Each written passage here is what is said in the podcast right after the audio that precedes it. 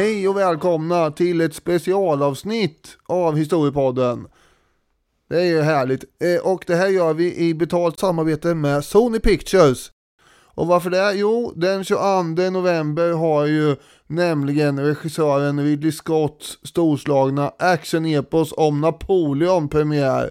Och då måste vi prata om Napoleon här lite extra. Just det. Förutom att det är Ridley Scott som regisserar har vi alltså Oscarsvinnaren Joaquin Phoenix som spelar en av världshistoriens absolut största och viktigaste aktörer. Och jag tycker han gör det väldigt bra. Eh, I ett storslaget äventyr som börjar med den unga generalens första framgångsrika fälttåg får vi följa honom och hans nästan lika omtalade hustru Josefan genom historien för att slutligen landa i exilen på Sankt Helena.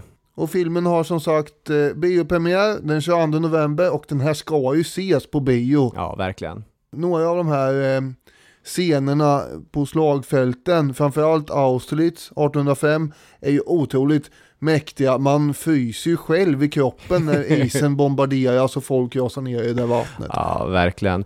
Och I det här avsnittet ska vi då först inleda med en kort grundkurs i Napoleon för att sen berätta om den mycket spännande historien som handlar om den kupp som förde honom till Frankrikes yttersta maktposition, Brumärkuppen.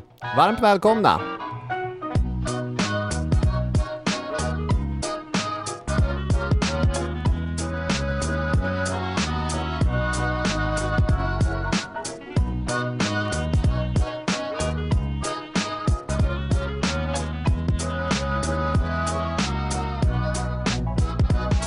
Napoleon alltså, född 1769 på Korsika, död 1821 på en annan ö, Sankt Helena, är ju tillsammans med, ja, det är en liten exklusiv skara av typ Julius Caesar eller Adolf Hitler.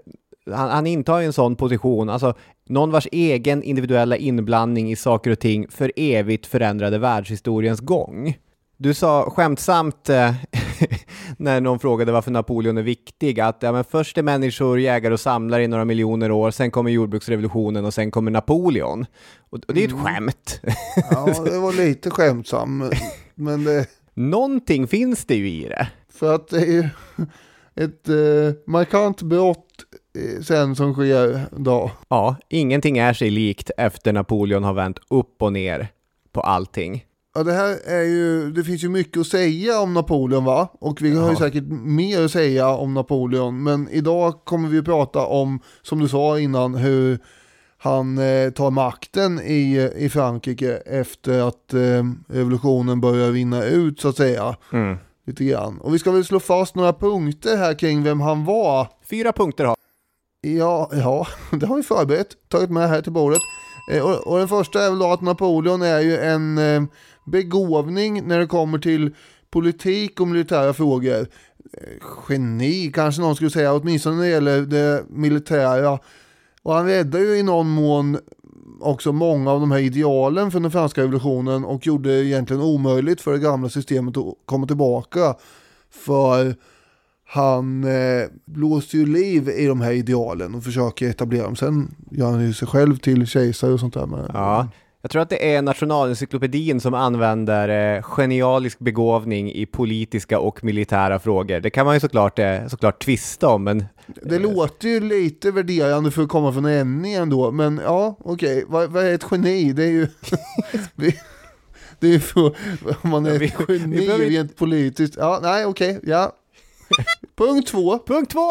Han befann sig ju hela tiden i krig med Europa i olika eh, allianser mot och det var inte ett Europa mot honom men, Nej. men det var ju nästan så kan man säga. Rörlig materia. Ja, och det här pågår, man kan väl i och för sig säga att England var hela tiden emot, åtminstone. Det, det, Och sen- det är lite fast materia. Frankrike hade ju då under perioder mycket omfattande territorier här. Och när han stod på sin höjd så dominerade han ju hela Centraleuropa, Spanien och Italien. Egentligen är det ju hela Europa, förutom Norden, de brittiska öarna och Ryssland då. Ja. Och punkt tre då var att Napoleon skapade en nationell väckelse i egentligen alla länder, antingen som en följd av de här idéerna från den franska revolutionen, eller tvärtom som ett resultat av rädsla för att bli en fransk lydstat. Extremt mycket av allt det som händer i Europa under 1800-talet och till viss del även 1900-talet sätts i rörelse under de här stormiga åren då Napoleons arméer dominerar hela kontinenten. Utan Napoleonkrigen hade inte Sverige och Finland blivit två olika länder 1809. Vi hade inte fått ett nytt kungahus under en fransk general, Bonaparte. Som så många andra länder i Europa så är vår historia förändrad på grund av att en viljestark korsikan med lite degiga kinder, höga vikar och, och små vackra ögon sätter kontinenten i brand. Och före honom var det jordbruksrevolutionen. Exakt. Det är, en lätt historieskrivning att ta till Ja. sig här. Eller hur? Det jag tänker att rent pedagogiskt är det här bra. Sista punkten vi har med oss är att Napoleons personlighet är fascinerande. Hans drivkrafter och hans agendor som skickade över en miljon soldater i graven eh, värderas fortfarande på radikalt olika sätt. Hans personliga relationer, främst med sin älskade hustru Josephine, vilket visas jättefint i filmen, fascinerar människor som inte bryr sig ett dugg om hur Napoleon formerade arméerna vid Waterloo. Det finns enormt mycket människa i den här killen att ta i. Mm. Ja, det gör det. Apropå människa Ja, så ska vi komma ihåg att han, eh, han hade ju då ofta vansinnigt ont i magen på grund av den här gallblåsan som han fick ont i på grund av att han åt så oregelbundet och konstigt och, och sådär. Och snabbt, inte minst. Och han hade ju problem med urinblåsan va? Och han hade ju en intensiv klåda i huden på grund av all eksem. Hur, hur, vill han att, eh, hur vill han bli behandlad för att komma runt den klådan då? Ja, du vet, du vet att jag vill säga det här. Jo, men det är ju i slaget vid Waterloo när han eh, inför, han ligger ju och skriker till sina assistenter. Klia mig som en åsna! Och de kliar där. Ja, jäklar. Han skrev ju till sin fru Josefin, som jag väljer att kalla henne för, Ja. istället för Josefin, eh, en gång så här. Att vara mänsklig gör mig illamående.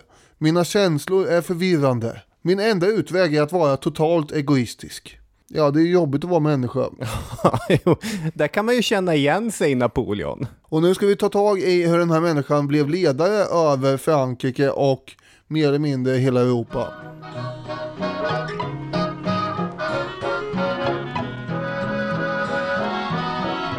Vad var det då för Frankrike som Napoleon hittade? Jo, den franska revolutionen är inne i sin sista fas, direktoriet kallat. Och stackars direktoriet.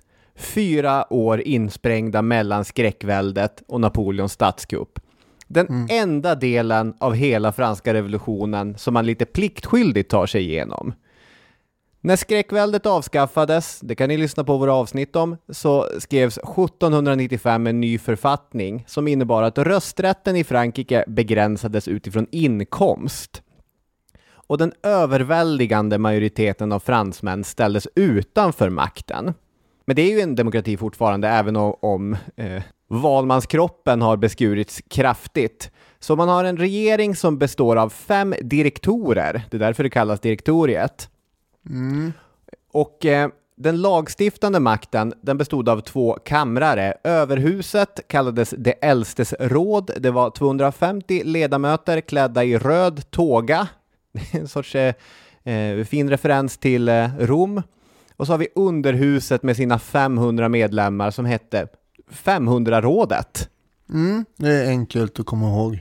Ja, och, och det, är- det är bra ord att komma ihåg också eftersom Napoleon kommer braka in ibland de här herrarna ganska snart. Bokstavligt talat. Exakt. Och direktoriet det drogs med flera problem. Statsskuld och inflation var det allvarligaste av dem. Folk gick hungriga, de blev fattiga.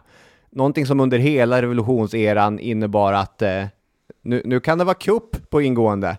När människor är hungriga, vilket de ofta var, då hängde kuppen i luften. Antingen från vänstern, jakobinerna, eller från högern, de royalister som åter ville ha en kung igen. Nu blev det istället en, ärgirig general som kuppen kom med. För armén var väldigt viktig under direktoriet. Det är ju faktiskt så att det är väl den enda gren av det franska samhället som funkar riktigt effektivt. Och man har ju också gjort den här äh, åtgärden med allmän värnplikt permanent, så Frankrike och den franska armén var mycket, mycket stor. Vilket hade lett till att, äh, till skillnad från skräckväldet, jakobinernas era, då politiker som Marat, Danton, Robespierre, de hade ju varit huvudrollsinnehavarna. Men det är de inte längre. Alltså det är ju generalerna som är de mest namnkunniga, som tidningarna helst skriver om. Och det är ju bland annat sånt som kan föra en man som Napoleon fram i det här samhället. Man måste väl ändå beskriva direktoriet som en ganska korrupt tid och eh, korrupta politiker som sitter och styr här. Ja. Exempel på att de är ganska korrupta, vilket också gör då att eh, folk är trötta på det här styret. Det är till exempel Paul Bayat som ledde direktoriet. Han hade vid den här tiden då faktiskt kontakter med exilkungen Ludvig den 18. Eh, och han var ju redo att sälja ut hela republiken, nation och hela rasket för 12 miljoner franc ungefär. Mm. Och det här är något helt annat än när han som brinnande revolutionär sex år tidigare hade röstat för att eh, kungen, den tidigare kungen Ludvig den 16 skulle avrättas. Mm. Här, har, här har det hänt något, han behöver fylla på kistan känner han. På bekostnad av vad som helst. Ja, det var då och nu är nu. Ja. Och sen är sen, som Janne Andersson brukade säga. Och sen har vi Talleyrand Ja. som är en magnifik personlighet på massa olika sätt. Han var ju då utrikesminister, en politisk akrobat utan like. Ingen människa, inga värderingar och inga principer var för heliga för att bytas mot i Talleyrans värld. Nej. Jag har faktiskt förberett ett klipp där Daniel Hermansson och Herman Lindqvist sitter och förundras över Talleyrand. Har du det? Alla regimer, alla system. Ja, det är ju en prestation som bara en skit i en silkesstrumpa Och sen överleva det. Ja.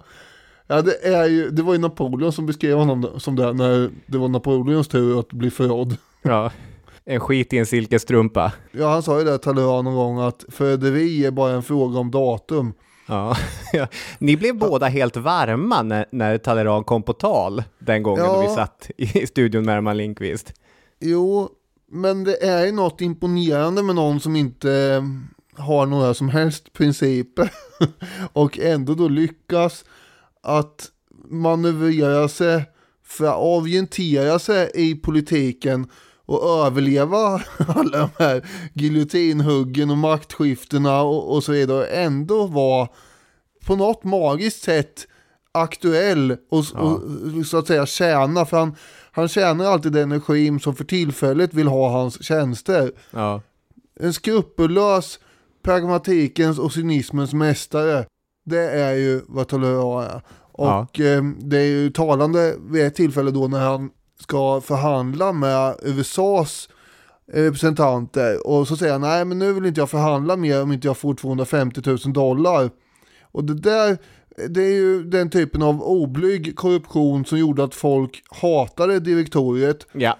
Och i det här fallet så var det att gå lite för långt med, för amerikanerna började ju klaga på det här förstås. Det var väldigt dyrt att prata med Frankrike tydligen. Och då fick ju Talleyrand sparken. Och eh, det gjorde ju att han i sin tur också gärna såg att direktoriet klappade ihop. Mm. Just det. Men det är de här typerna av människor vi har att göra med här. What are you gonna do today, Napoleon? Whatever I feel like I want to do. God! För att göra en omfattande historia lite mer kortfattad ska vi försöka, eh, försöka i alla fall, att dra igenom här Napoleons bakgrund innan den här kuppen. Han hade gjort en mycket snabb karriär. General år 1793, chef för inrikesarmén blev han 1795 efter att ha slagit ner en eh, royalistisk kupp, vilket eh, också hade stärkt hans rykte hos, hos vänstern, hos jakobinerna. Han stiger ju, avancerar sakta men säkert i graderna här på 90-talet. Mm. Och eh, 1796 så får han då befäl för franska trupper i kriget mot Österrike. Det är den sista kejsaren av det tysk-romerska riket faktiskt, Frans den andre, som eh, är väldigt orolig över fransmännens revolutionsidéer. Och så är det en massa strider och fälttåg som går genom Italien tills österrikarna besegras och tvingas till fred. Och Frankrike ockuperar då stora delar av Italien som sagt. Och så får de kontroll över Belgien och västra delarna av öns stränder. Och Napoleons stjärna stiger på himlen. Just det. Och alltjämt är han ju bara 27 år här. Ja, så är det. Det är en, en ung talang. Samma år så hade han ju gift sig med, med Josefin då och eh, dels var han ju väldigt kär i henne, vilket eh, påverkade honom. Men eh, hon var ju också aristokrat på ett sätt som, som han inte var. Och det hjälpte honom få avgörande tentakler in i den franska elitens kretsar. Så när vi är här kring 1796, då börjar ju Napoleon verkligen vara en man på allas läppar. Och som tack för att han är så uppskattad så skickar då revolutionsregeringen direktoriet iväg honom så långt de kan kan komma på egentligen. Och det är då till Egypten. Mm. Och det är inte bara en förvisning förstås då. Målet är ju med fälttåget i Egypten som vi återkommer till någon annan gång tror jag. Det är ju att på med någon slags idealistisk förklaringsmodell är ju att man ska sprida frihet, broderskap och jämlikhet till Egyptens folk. Ja, just det. Och formellt så är ju då Egypten under de osmanska turkarnas styre. Men en kolonisering av landet kommer också ge ganska mycket prestige va. Egypten ses ju som en förlorad civilisation som kan räddas. Och sen har vi konkreta fördelar att tänka på. Det är ju en viktig strategisk position i Medelhavet. Ger Ja. tillgång till massa råvaror. Och inte minst kan man ta fram den stora saxen och skära av britternas handelslinjer från Indien. Ja, där kom det. Lite materialistiska aspekter får man ju ta och tänka på när man ska invadera någon. Eh, och Napoleon har ju en del framgångar här förstås då. I juli 1798 så vinner han slaget vid pyramiderna mot mamluckerna och turkarna. Och han säger kom ihåg att 40 århundraden betraktar er eh, till eh, trupperna och det är då för att pyramiderna eh, blickar ner på dem om de hade haft ögon vill säga. Ja, eh, sen då så segrar fransmännen också i slaget vid Abu i juli 1799 mot turkarna. Men vid det här laget har då fransmännen försökt få kontroll över Egypten ganska länge och det börjar gå i stå kan man säga. Det är ju så att eh, britternas legendariska amiral Horatio Nelson, han har ju vunnit slaget vid Nilen året före och det har gått åt skogen för fransmännen där. Egyptierna verkar inte heller jubla över att bli befriade eh, av fransmännen. Vi har en massa pestepidemier som härjar och det är försörjningssvårigheter som plågar trupperna och mitt i alltihop så börjar det ramla in rapporter till Napoleon om politiska oroligheter i Europa. Det är en ny allians som håller på att gnaga sig in mot Frankrike och dessutom så är hans fru Josefin otrogen får han veta och sådär. Ja, då schappar Napoleon. Ja, I'm out of here, sa han på franska. Ja, exakt.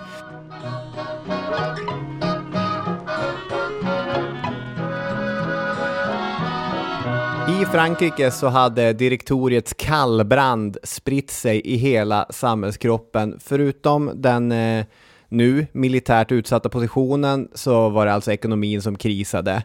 Mandat territorial var den nya valutan som man lanserat i hopp om att stabilisera skeppet. Den tappade halva sitt värde under mindre än 12 månader. Ja, Bort med den!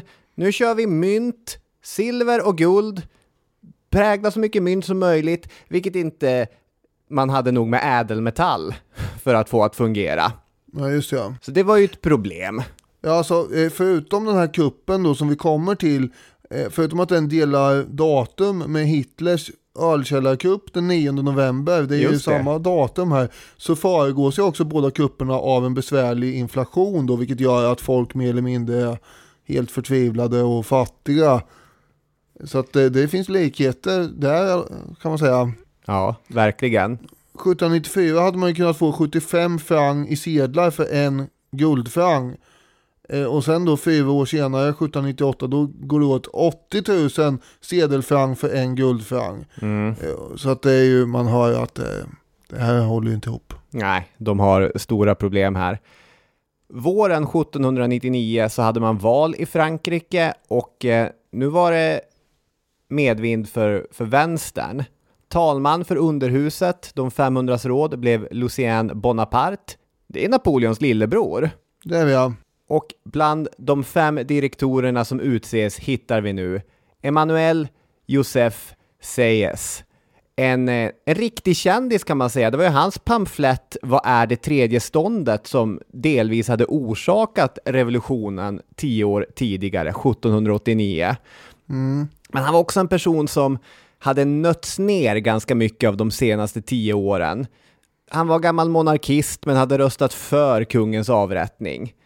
Han var präst men hade klarat sig genom skräckväldet genom att ta avstånd från kristendomen. Han var ju en av de här äh, överlevnadskonstnärerna, är ett ord som man ibland stöter på om man läser om Frankrike under revolutionstid eller om man läser om Sovjet. Och han var en sån. Han hade klarat sig.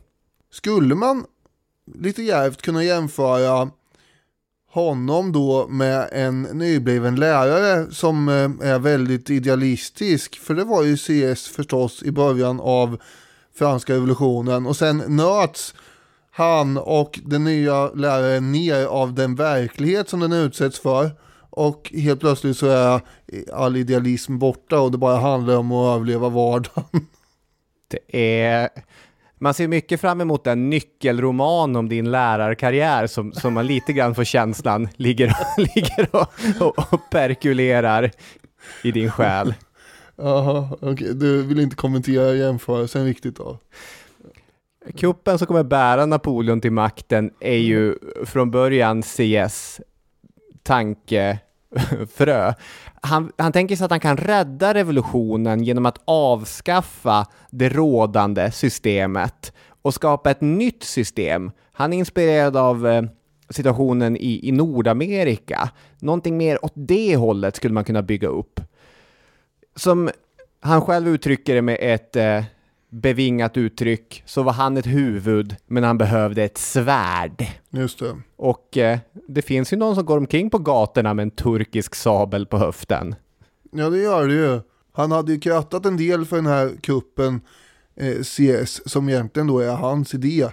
Och eh, en av åtgärderna verkar ha varit att sparka Jean-Baptiste Bernadotte från rollen som krigsminister. Ja, Eh, CS menar att Bernadotte var en, en bofink som tror sig vara en örn.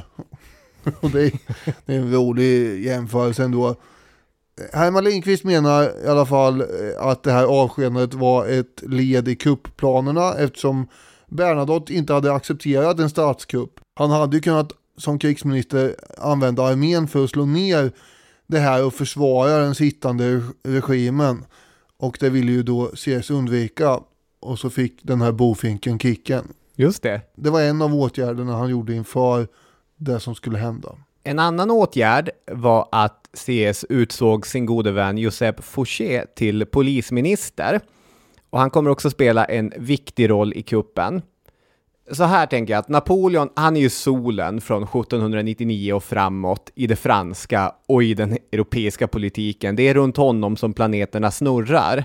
Man kommer inte runt Napoleon, men olika författare och historiker väljer ju vilka övriga planeter som de tycker mest påverkar resten av solsystemet. Herman Lindqvist som du nämnde i sin bok om Napoleon så lyfter han ju väldigt mycket Napoleons motståndare, generalen Jean-Baptiste Bernadotte, sedermera svensk konung. Men så har vi också min favorit, Stefan Zweig, den österrikiske författaren som han är så förtjust i den skrupellösa Josef Fouché att han har skrivit en hel bok om honom.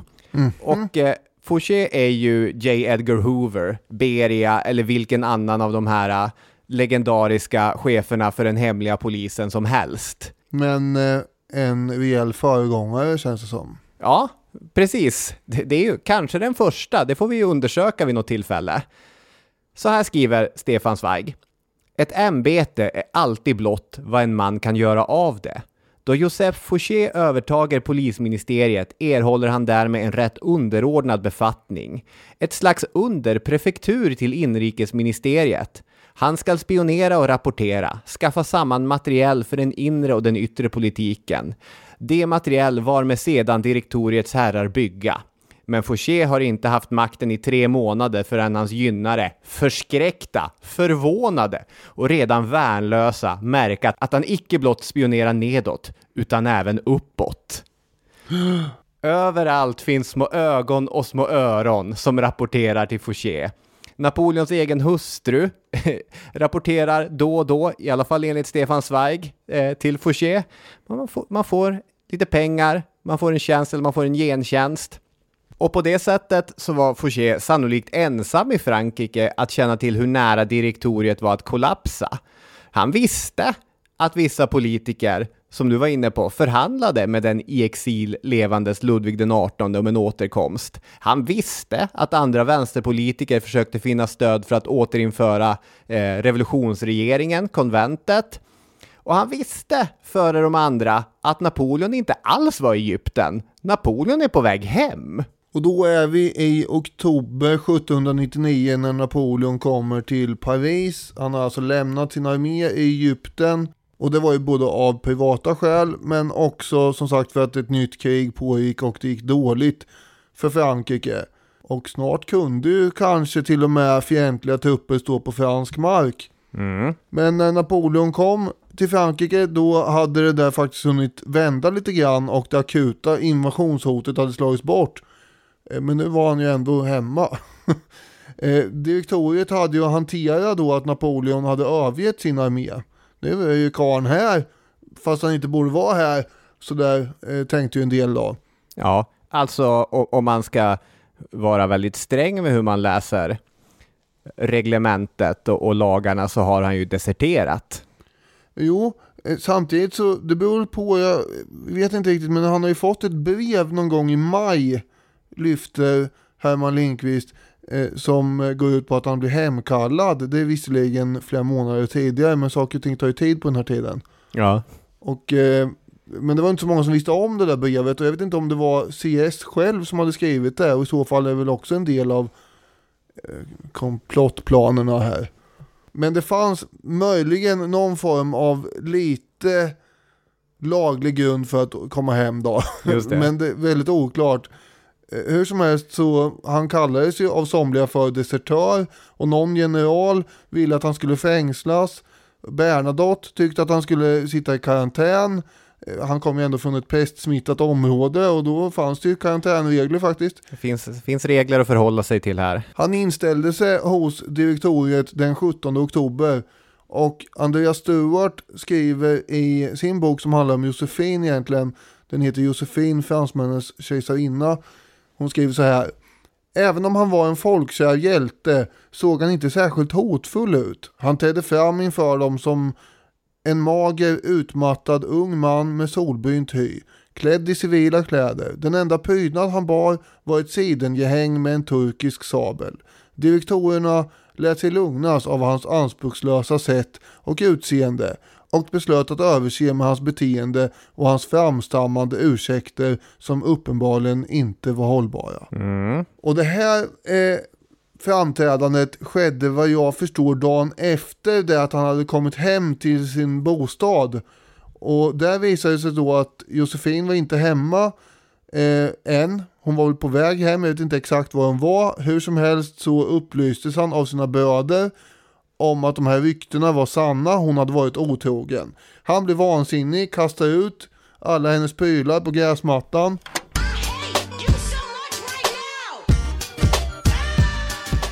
Och när hon kommer hem så blir det gråt och tandagnisslan hela natten och hon bönar om att inte bli utkastad och att de ska skilja sig och sådär, det vill hon inte. Det här är ju livligt återgett i filmen. Och efter många resonemang och hårda ord och höjt tonläge och allt det där så ändrar han sig till slut. Och eh, Napoleons sekreterare påpekar ju också för honom då hur illa det skulle se ut att skilja sig just nu här. Just det. Det är inte bra PR det här att ha blivit bedragen. Folk kan ju tro att han är lättlurad och sånt. Eh, och imagen är ju viktig om man ska göra statskupp sen och sånt. Det är my- mycket att tänka på här. Och i slutändan så var det nog så att han var Alltså det var lite för mycket kärlek kvar i luften för att skilja sig också. Mm. Och det här blev ju då brodern Lucien varse när han kom dit dagen efter för att reda ut saker och ting med alla skilsmässopapper som han hade med sig och komma in där och hitta det här paret skrattande mellan lakanen istället för att sitta och planera upp bodelningen. Ja. Förutom då att eh, reda upp sina äktenskapliga affärer och träffa regeringen och så, så satt ju Napoleon under långa dagar på ett kontor och lät folk få träffa honom. Man kunde komma med beröm eller be om tjänster eller så. Och en dag så satt just den här polisministern Josef Fouché i väntrummet. Och eh, det tycker jag är en härlig scen, så här beskriver Stefan Zweig den. För första gången står nu dessa män ansikte mot ansikte med varandra. De överlägsna andarna känner alltid på blicken igen varandra. Genast igen känner Fouché på denna maktmänniskas oerhörda vitalitet, det obetvingliga härskarsnillet. Genast igen känner Bonaparte med sin skarpa rovdjursblick i Fouché den användbare, till alltid brukbare medhjälparen. Rollerna är från början utdelade. Härskare och tjänare, världsomskapare och konjunkturpolitiker. Nu kan deras samspel börja. Världsomskapare och konjunkturpolitiker. Ja, precis. H- Här är två stycken verktyg som tillsammans bildar e- en effektiv verktygslåda. I det här fallet innebär det att trots att Paris svämmar över med rykten om att direktoriets dagar är räknade, trots att regimen har en mycket begåvad polisminister så nås inte regeringen av så mycket som ett pip. det är Nej, det, vi har inga rapporter om att det ska vara något, något politiskt på G eh, överhuvudtaget, eh, faktiskt. På den planerade kuppdagen 9 november, eller 18 Brumaire enligt revolutionskalendern, så försover sig Josef Fouché för första gången i sitt liv. Det, det var märkligt. Ja, det var märkligt. Besynnerligt. Men det finns ju vissa människor i direktoriet som faktiskt vet att det är en kupp på G och det är ju då CS och hans medhjälpare som har planerat den. Ja, det var ju märkligt, ännu märkligare om han inte visste om det. Och han är den som då har dragit igång det hela och Napoleon var ju den mest populära militären under hösten 1799 och därför var han ju då en given kandidat som CS svärd som han behövde. Mm. Tyvärr förhöll det sig ju så att Napoleon och CS mycket häftigt ogillade varandra. De var djupt misstänksamma Ja. och Napoleon sa någon gång att han inte stod ut med den där likbleke prästen. Och i slutändan så krävdes det faktiskt en stjärndiplomat som Talleyrand för att gå in och sätta ner foten och säga att nu räcker det med det här livet. Ska vi agera eller ska vi inte agera? och då kom de fram till att jo, vi ska väl det ja. Och eh, då kom de överens. Det var ju också så, eftersom bägge bröderna Bonaparte, både Lucien och Napoleon, var för unga för att eh, bli direktorer, så behöver man ta till någonting ganska dramatiskt. Man behöver riva ner hela direktoriet. Det måste alltså bli en, en, en statskupp som river upp det gamla systemet med rötterna.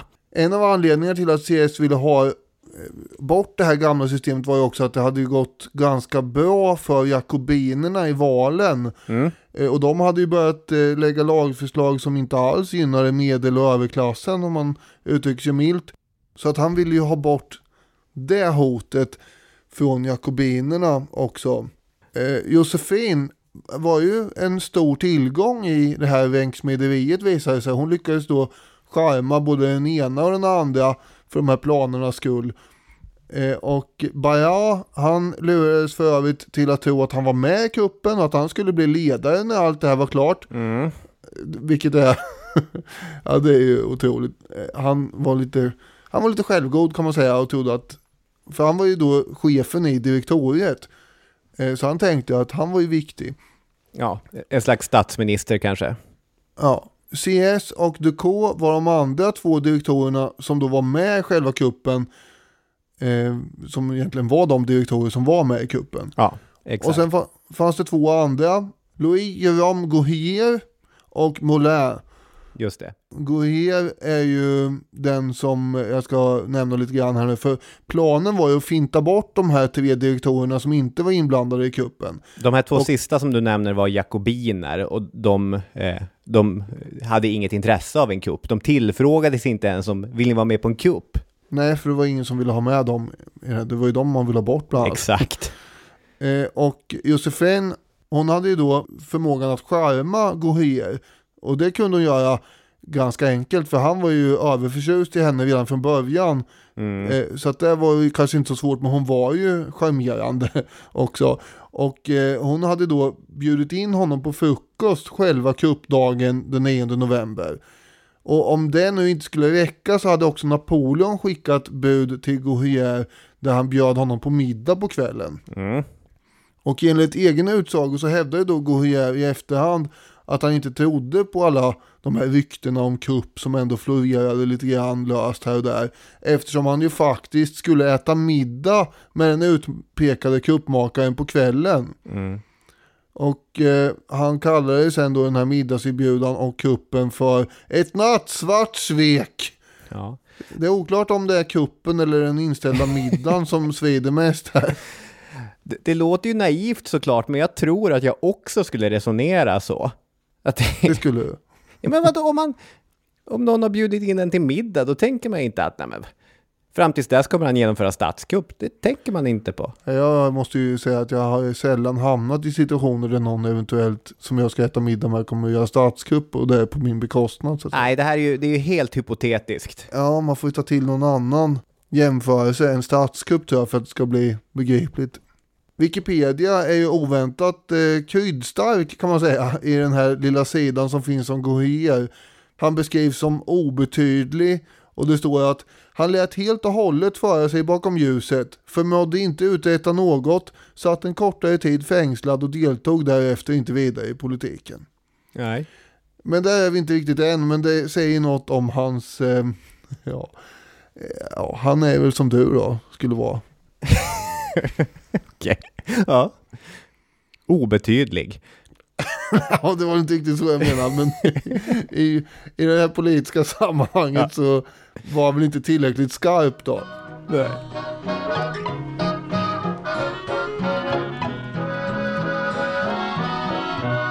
Napoleon kliver ut på gatan klockan nio morgonen den 9 november. Ändå sjukt att man klarar av att sova ut dagen då tärningen ska rullas.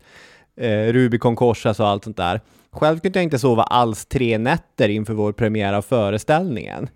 Så att eh, det visar sig ironiskt nog att jag har mer franska nerver än vad Napoleon hade. Ja, Men eh, nu, nu ska man sätta igång. Så både över och underhuset sammankallas för extra inkallade möten. ja apropå att sova ut, det var väl inte många som fick göra det. CS hade ju suttit hela natten och sammankallat eh, folk hit och dit. Framförallt då de äldres råd, den ena kammaren.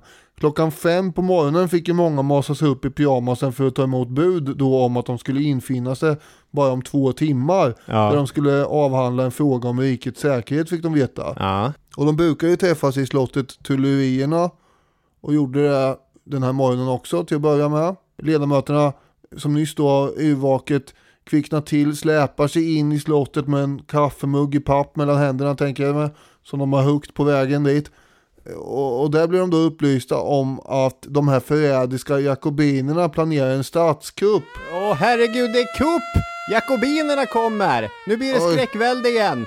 Snabbt! Ut i Saint-Claude! Slottet utanför Paris. Ni måste bort från Paris! Ja, nu gäller det att snabbt rösta om och förflytta det här mötet.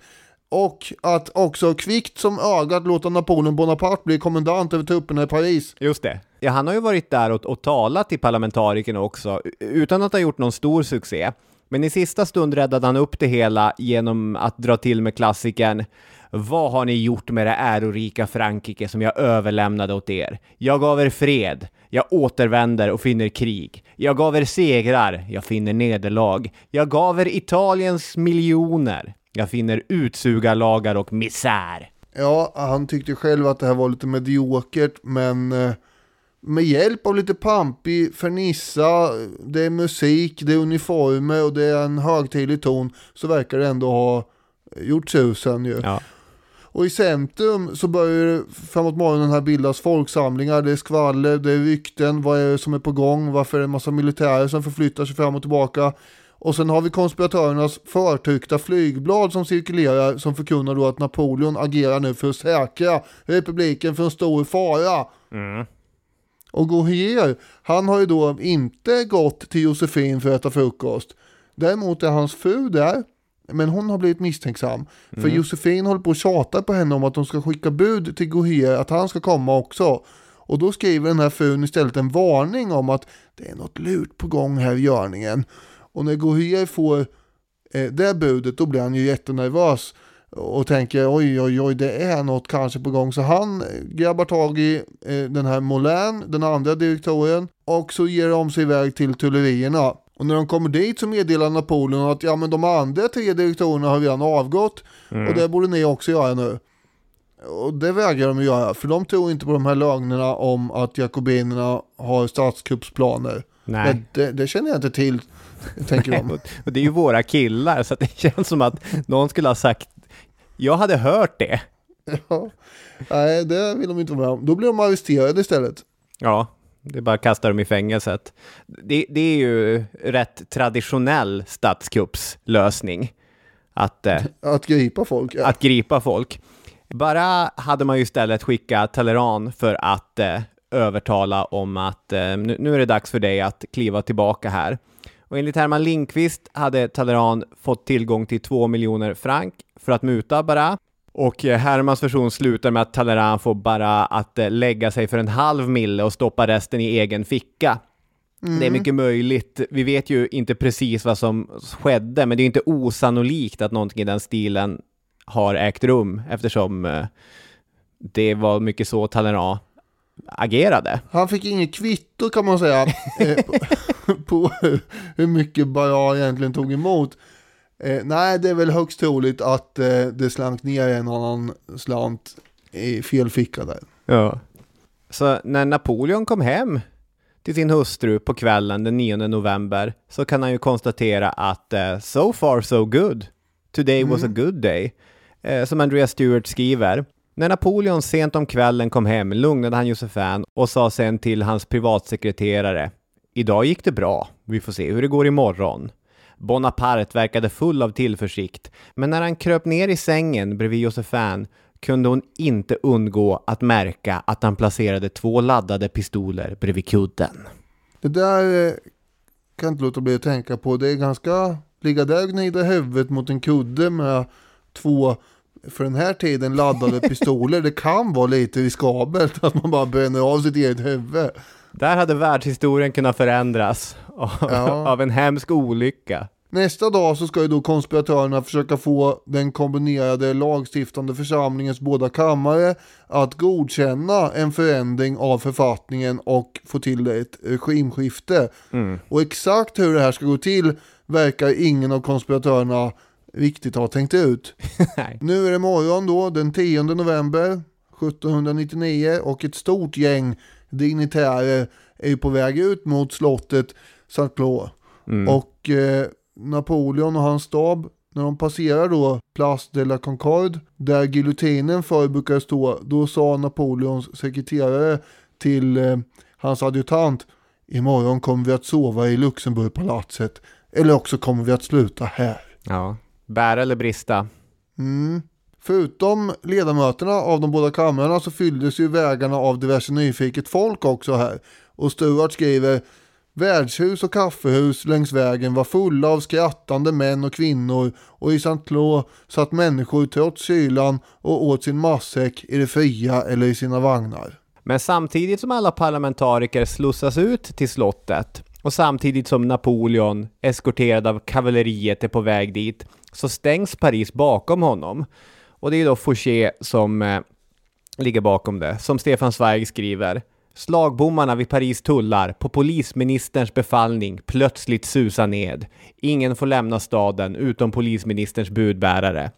Ingen av de 800 000 människor får veta om kuppen lyckats eller misslyckats. Varje halvtimme får Fouché ett meddelande om statsvälvningens förlopp och ännu träffar han inte ett avgörande.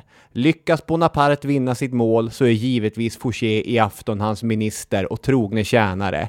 Lyckas han inte är han alltjämt direktorets trogne tjänare, redo att arrestera rebellen. Ingen i Paris har någon koll på vad som händer utanför, utan nu, ja, tärningen är nästan bokstavligen kastad och så får vi se vad det blir för siffror och sen agerar vi därefter. Och vi har ju då de äldres råd som ska sammanträda i något som heter Apollongalleriet. Och så har vi de 500 råd som ska sammanträda i Orangeriet. Mm. Och planen är att hålla de båda kamrarnas representanter isär så att de inte kan diskutera med varandra. Napoleon har ju placerat ut 6000 kavallerister under ledning av general Murat. Och eh, de här 6000 ryttarna är ju som en hotfull skugga för de 600 soldater som utgör parlamentets livvakter. Ja. Det är, 6000 är fler än 600. Det är ju det. Och eh, en aspekt är ju att det här slottet har varit obebott och övergivet i tio år så inget är ju ordningställt. Nej. Och det är ju det är folk som ränner runt där och letar stolar. Bara, jag måste ha någonstans att sitta. Ja. Och, ja, De går ut de- i trädgården och där träffar de ju ledamöter från andra kammaren också. Ja, det spricker ju direkt där. De börjar ju prata med varandra. Varför är det en massa militärer här ute tror ni? Och var det inte i Paris som de där jakobinerna höll på att lura? Alltså, mycket konstigt. Ja, det är mycket märkligheter här. Och efter några timmar egentligen så kommer det ju då till att det ska bli sammanträde. Och de äldres råd, de vill ju då välja ett nytt direktorium. Mm. Det är rimligt då för att det gamla är ju tydligen avgått. Ja. Alltså först har vi en massa procedurfrågor som vi måste avhandla. Och det- ska utses justerare och- det ska, vem ska skriva protokoll nu också? Ja, Och sk- ska det signeras digitalt eller har vi någon ska, det är alltså wifi på slottet är det ingen som kan lösenordet till, så att det tar ju tid det här. Och, och Na- Napoleon är ju något av en främmande fågel i det här sammanhanget också. Till sist ledsnar han ju, ja. springer in, ut, det- vilket han absolut inte har juridisk rätt att göra, och, och börjar ropa att ni lever ju på kanten av en vulkan! Och, och det är faror som hotar, försöker Ja. han med. Men eh, det här, han har ju inte några ledamöter med sig här, för det här är ju som en det är en samling femåringar ungefär som ställer motfrågor på hans påståenden här. Vilka då faror? Ge oss namn! Nå, någon börjar ropa Caesar! Caesar! Och någon ropar tyrann. Ja. Ja det här, nu börjar det bli obehagligt. Napoleon här, han svarar ju då förvirrat med hotfulla ord om att han minsann var krigets gud. Och, och ja, det här låter ju inte bra. Och eh, hans eh, allestädes närvarande sekreterare då, Bovien, inträder här och viskar i örat på en Gå härifrån general, ni vet inte vad ni säger. och när Napoleon då lyckas ta sig ut från de här arga farbrödernas lejonkula, då möts han av nyheten att ett par jakobingeneraler står där borta och försöker övertala Murat att gå över till dem med sina 6000 ryttare. Oj, oj, oj. Oj, oj, oj. Innan vi tar storyn, jag, jag vill eh, smyga in, kofota in mitt sista Stefan Zweig-citat. Eh, jag tycker det är rätt talande för den här situationen. Han poängterar att eh, Napoleon har vant sig vid att befalla och Zweig menar att han har glömt hur man vädjar till känslor. Han kan gripa en fana och rida inför sina grenadjärer. Han kan krossa arméer, men att från en talarstol skrämma ett par republikanska advokater, det lyckas icke för denne orädde soldat. Nej, det, det är en ganska bra beskrivning ju. Och nästa åtgärd blir att störta in i det här orangeriet till de 500 råd. Ja, Och vad han har tänkt göra där som han inte lyckades med i de äldres råd, det vet jag inte riktigt. men det går ännu sämre i alla fall om möjligt. Det utbryter totalt tumult. Och i den här kammaren finns det ju många jakobiner med. ja. som inte alls finner sig i vad som håller på att hända. Och det vrålas Laglös! Laglös! Ner med tyrannen! Döda honom! Döda honom! Och de klättrar över bänkar och bord och för att fysiskt komma åt den här karln och han knuffas och kastas runt där i en ring av ledamöter. Eh, Och det här skildras ju också dramatiskt i filmen. Nästan komiskt när han kastas där handlöst fram och tillbaka innan han hals över huvud får man säga väker sig ner för trapporna. Eh, Och eh, enligt uppgift så drabbas han ju också av klaustrofobiska känslor och bärs ut i frihet av sina anhängare. Ja, det, det kommer ju ett litet antal soldater rycker ju in och lyckas slå ring kring Napoleon och sen kring hans lillebror som då egentligen är talman i det här huset, men det spelar ingen roll hur mycket Lucien ropar Order! Order! Dö!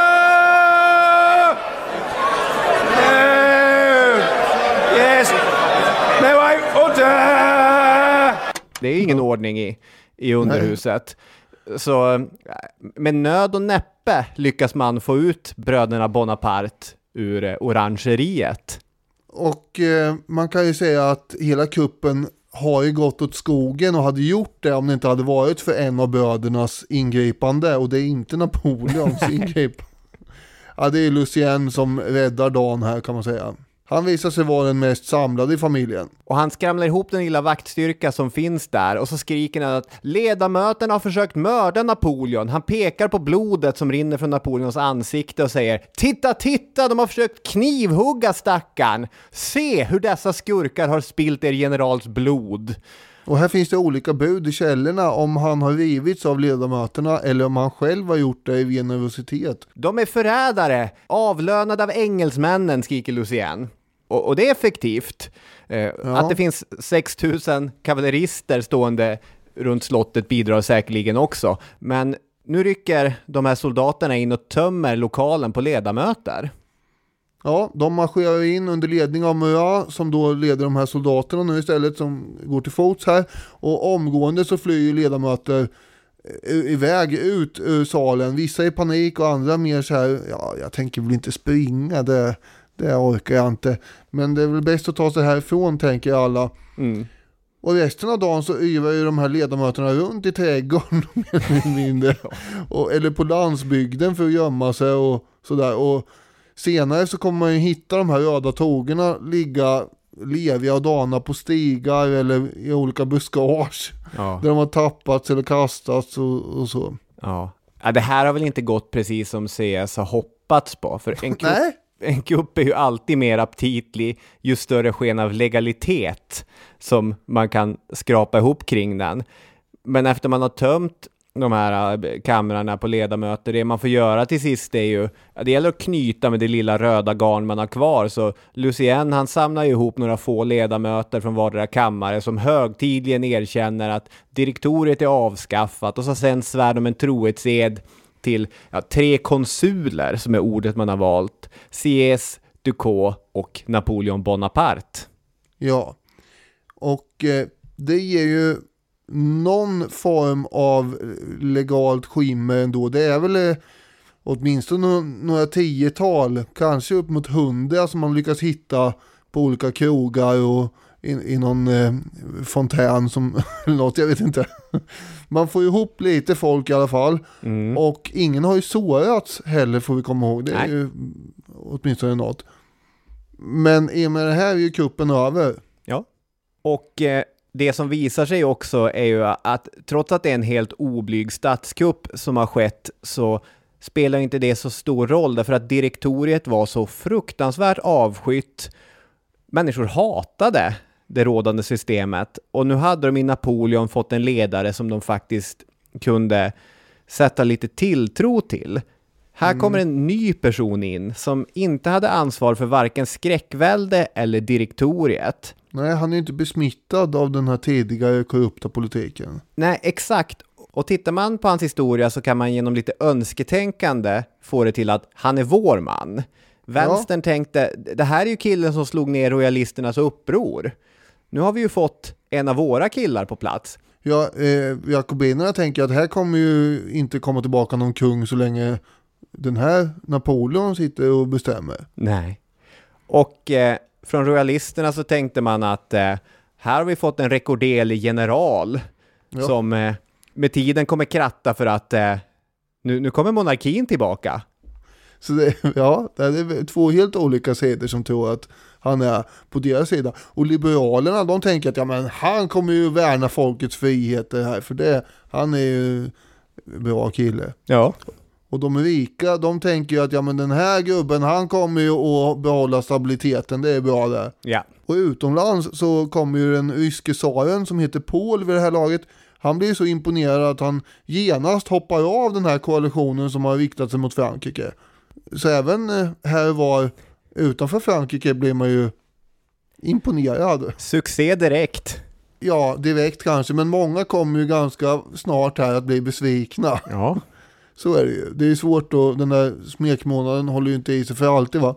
Men Napoleon, han gjorde ju kuppen främst av övergiriga skäl, visade det sig. Han tänkte inte låta sig styras av någon annan och det här upptäcker ju CS ganska snart och konstaterar att eh, vi har en makthavare som vet hur allting ska göras. Som är kapabel att göra allting och som vill göra allting själv. Ja, när Napoleon ville inte dela med sig av makten Nej, till den här gamla revolutionsfarbrorn. inte till någon. Nej, och och CS var ju helt inkapabel till att konkurrera med Napoleon om makt och inflytande. Napoleon skulle ju snart nog efter en slags folkomröstning utses till förste konsul och Frankrike hade med det blivit ja, en militärdiktatur är väl kanske det ordet eh, som ligger närmast till hands. När den författningen trädde i kraft så var Napoleon Bonaparte 30 år gammal. 1799 var det här. 1804 skulle det byta namn till det något elegantare kejsardöme när Napoleon satte kronan på sitt eget huvud. Ja, precis. Ja, mycket mer finns det att säga och det kommer vi göra sannoliken. Men den som vill ha en dramatisk skildring av hans liv och karriär i episkt format verkligen ska ju se den här filmen. Ja, precis. Från slagfältet till hovintrigerna. Allt det här och mycket mer i Ridley Scotts nya Napoleon med Joaquin Phoenix i huvudrollen. När är det biopremiär, Daniel? Den 22 november. Ja, just det. Missa nu inte för alla guldfrancs i direktoriets Frankrike det. Nej, Nej precis. Tack för oss! Tack så mycket för att ni har lyssnat. Vi, eh, vi hörs eh, på söndag. Ja, då är vi tillbaka igen. Hej då med er! Hej hej!